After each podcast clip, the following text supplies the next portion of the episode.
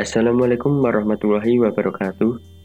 Kembali lagi di podcast komunikasi bersama saya Ahmad Lutfi Hakim.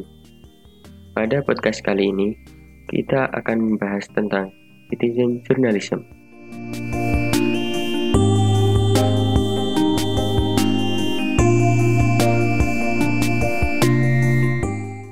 Saat ini, dunia jurnalistik tidak hanya milik wartawan profesional saja, tapi milik semua orang yang ingin berbagi informasi lewat citizen journalism atau jurnalisme warga.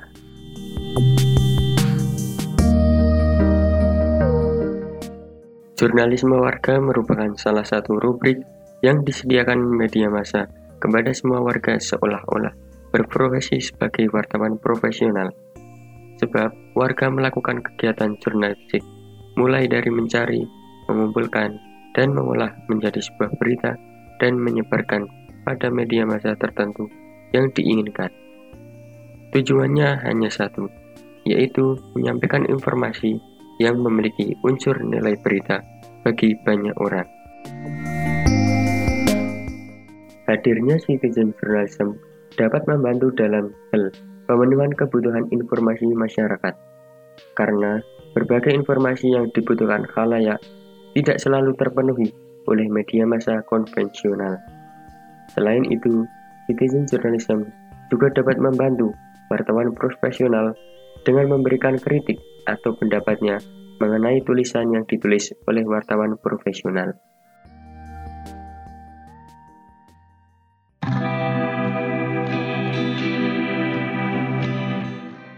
Lalu, apa sih yang dimaksud Jurnalisme warga atau citizen journalism itu, menurut Nurudin, citizen journalism adalah keterlibatan warga dalam memberitakan sesuatu.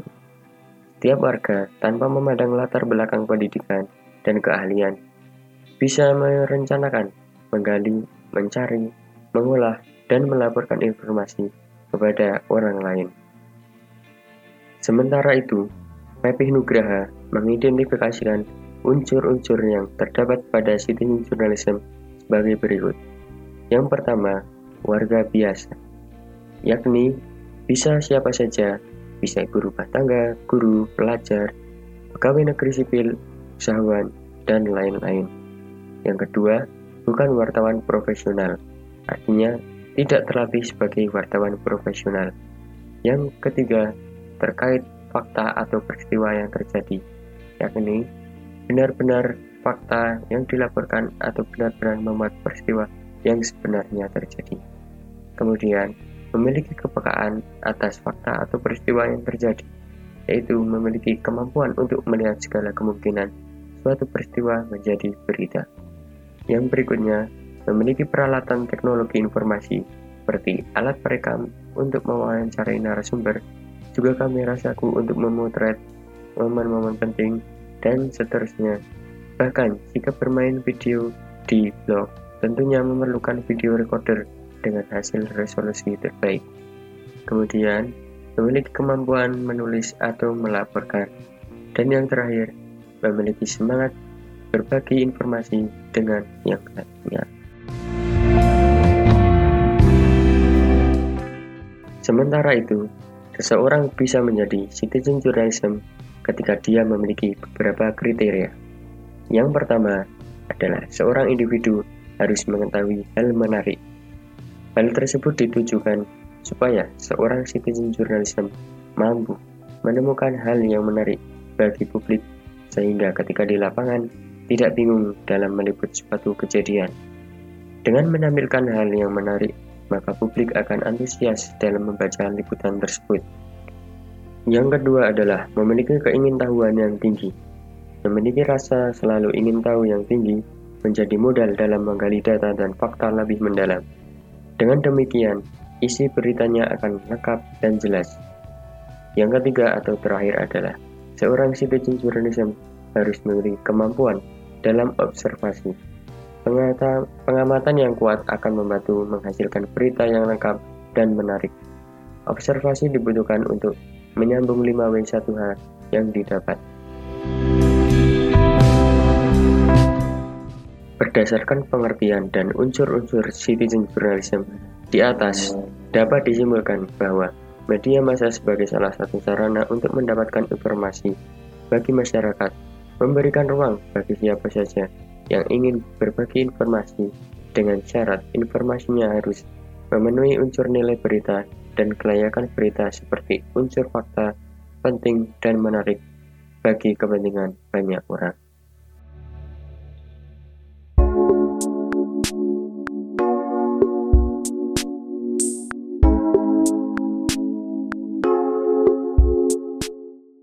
Lalu, bagaimana sejarah kemunculan citizen journalism itu? Awal kemunculan citizen journalism sudah dimulai saat era printing test, yaitu era kertas seperti koran, majalah, pamflet, dan lain-lain. Contohnya mengenai jurnalisme musik, di mana dulu para fans dari suatu grup band membuat liputan mengenai band kesukaan mereka sendiri dan disebarkan ke orang lain dalam bentuk brosur atau yang lainnya. Kemudian, muncul era Web 2.0 di mana lebih memudahkan untuk menyebarkan peristiwa atau pengalaman yang dialami diri sendiri melalui internet. Adanya internet memberikan ruang bagi warga untuk berpartisipasi dalam penyebaran berita yang ada di sekitar mereka. Keberadaan internet juga digunakan oleh citizen journalism untuk mengimbangi pemerintah, industri, atau pihak besar lainnya yang bisa mempengaruhi media. Citizen journalism mampu menyuarakan aspirasi warga karena tidak adanya pengaruh dari kekuasaan luar. Jadi bisa dibilang citizen journalism berasal dari warga dan untuk warga. Pesatnya perkembangan teknologi informasi terutama handphone dan internet memudahkan warga untuk saling berbagi informasi tanpa adanya batasan wilayah maupun waktu.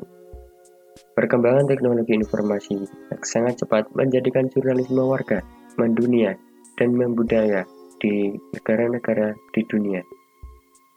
Salah satu media jurnalisme warga yang paling fenomenal adalah Oh My News yang berpusat di Korea Selatan. Didirikan oleh Oh Yeon Hu sampai tahun 2007, Oh My News memiliki 50.000 kontributor dari seluruh penjuru Korea Selatan. Tiap hari, memuat setidaknya 300 berita dari seluruh dunia. Sekarang, Ohma News memiliki edisi bahasa Inggris dengan kontributor tetap sekitar 1000 orang dari sekitar 100 negara.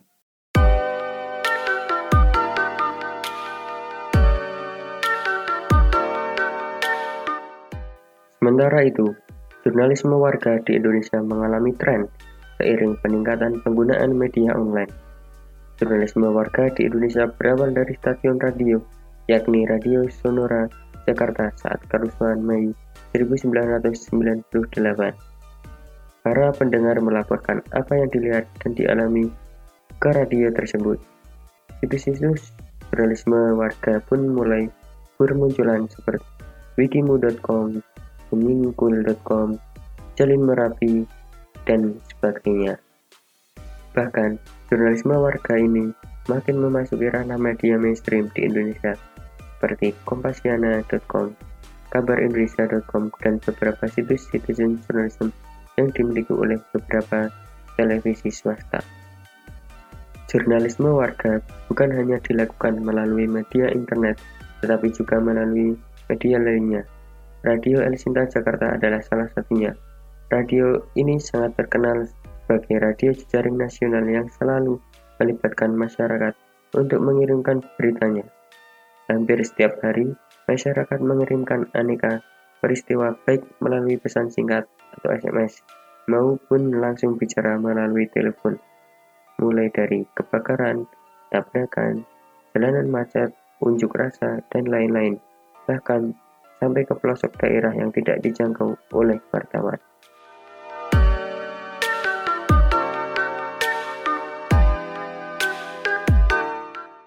Selain radio, sejumlah surat kabar juga ada yang memiliki rubrik jurnalisme warga. Salah satunya adalah Pikiran Rakyat Bandung.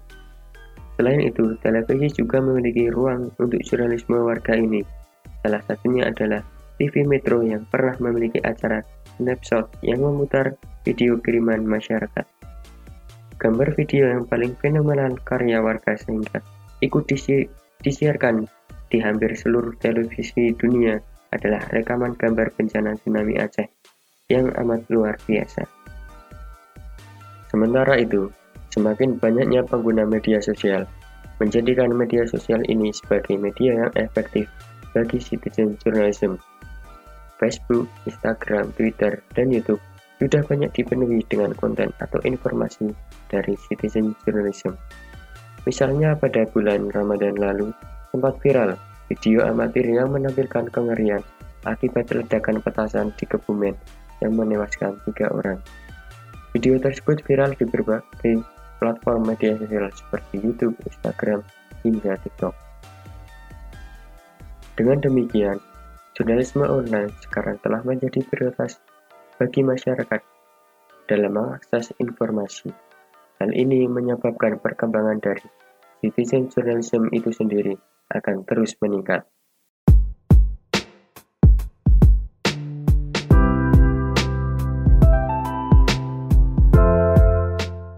Dengan adanya citizen journalism, mau tidak mau wartawan profesional harus berbagi ruang dengan citizen journalism. Hal tersebut membuat sempitnya peran wartawan, namun ada sisi keuntungannya bagi wartawan di mana wartawan semakin mudah dalam mencari berita yang tidak bisa ia jangkau. Contohnya ada kejadian atau peristiwa di pelosok daerah yang kemudian diliput oleh citizen journalism dan disebarkan di internet. Dengan modal liputan citizen journalism tersebut, wartawan bisa membuat ulang beritanya dengan hanya melengkapi isi beritanya. Kemunculan citizen journalism tentu saja membawa persoalan baru.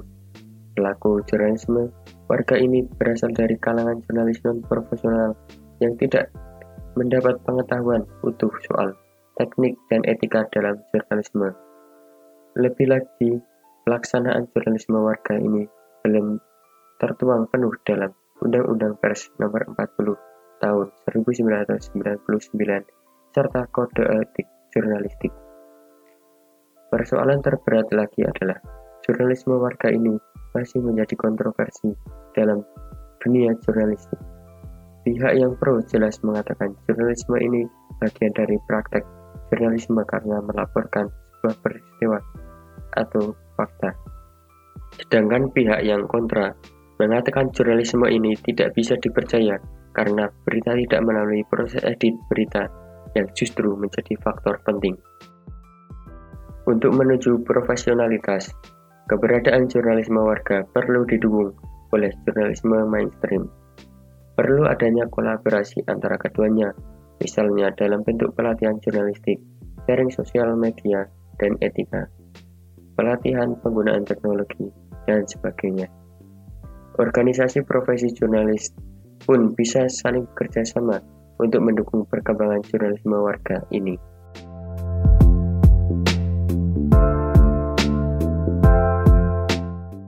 Dari semua penjelasan di atas, dapat disimpulkan bahwa dengan semakin berkembangnya teknologi informasi dan komunikasi, keberadaan citizen journalism semakin bertambah besar dan juga media yang digunakan juga semakin beragam.